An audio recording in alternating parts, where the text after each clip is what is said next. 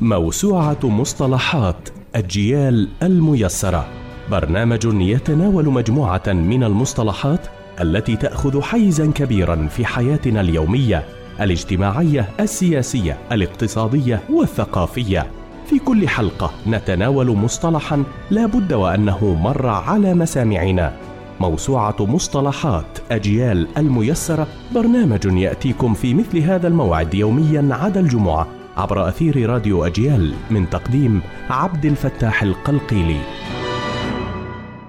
مشروع جونسون للعودة.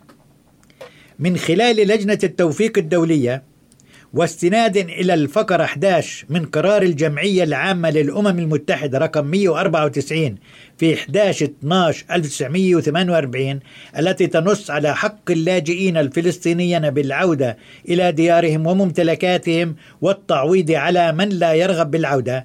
كلفت الحكومة الأمريكية الدكتور جوزيف جونسون رئيس مؤسسة كارنيجي الأمريكية للسلام العالمي بدراسة مشكلة اللاجئين الفلسطينيين وتقديم مشروع لحل هذه المشكلة.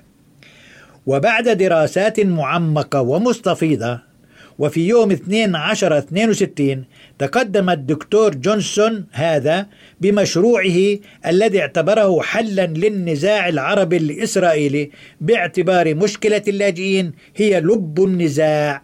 وتضمن المشروع النقاط التالية.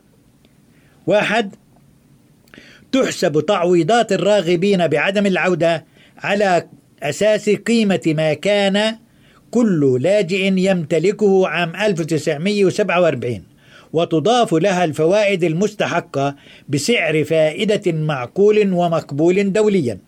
اثنين أما الفلسطينيون اللاجئون الذين لم يكن لهم ممتلكات في فلسطين ويرغبون بعدم العودة فيعطون تعويضا ماليا مقطوعا متفق عليه حسب عدد أفراد أسرتهم كي يساعدهم هذا المبلغ على الاندماج في المجتمعات التي سيوطنون فيها وطبعا ستدفع مبالغ التعويضات بنوعيها عبر منظمة الأمم المتحدة التي ستقوم بدور الوسيط بين الأطراف المعنية إلى أن تنتهي عملية التوطين.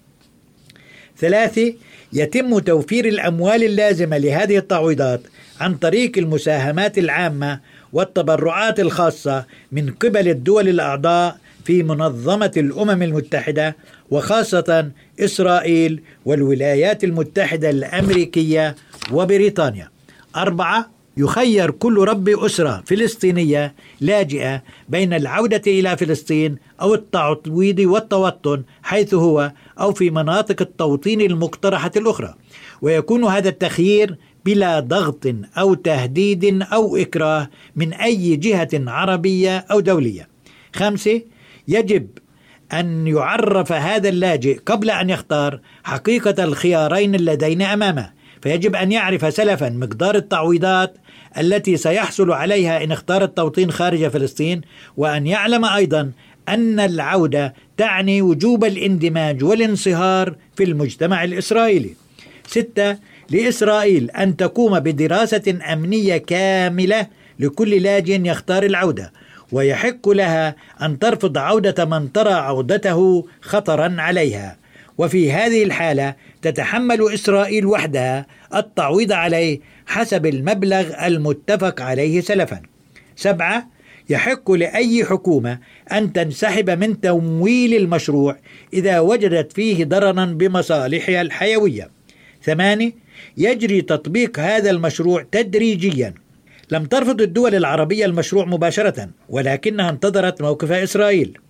أما إسرائيل فقد رفضته في تشرين الثاني 62 على لسان وزيرة خارجيتها آنذاك جولدا مائير منكرة حق اللاجئين بفلسطين ورافضة مسؤوليتها عن هجرتهم أما القوى السياسية العربية التقدمية والفلسطينيون كأفراد وشخصيات وقوى سياسية ناشئة فقد عبروا عن غضبهم من المشروع وأصروا على حق الفلسطينيين بتحرير وطنهم وعودتهم إليه وتقرير مصيرهم فوق أرضه.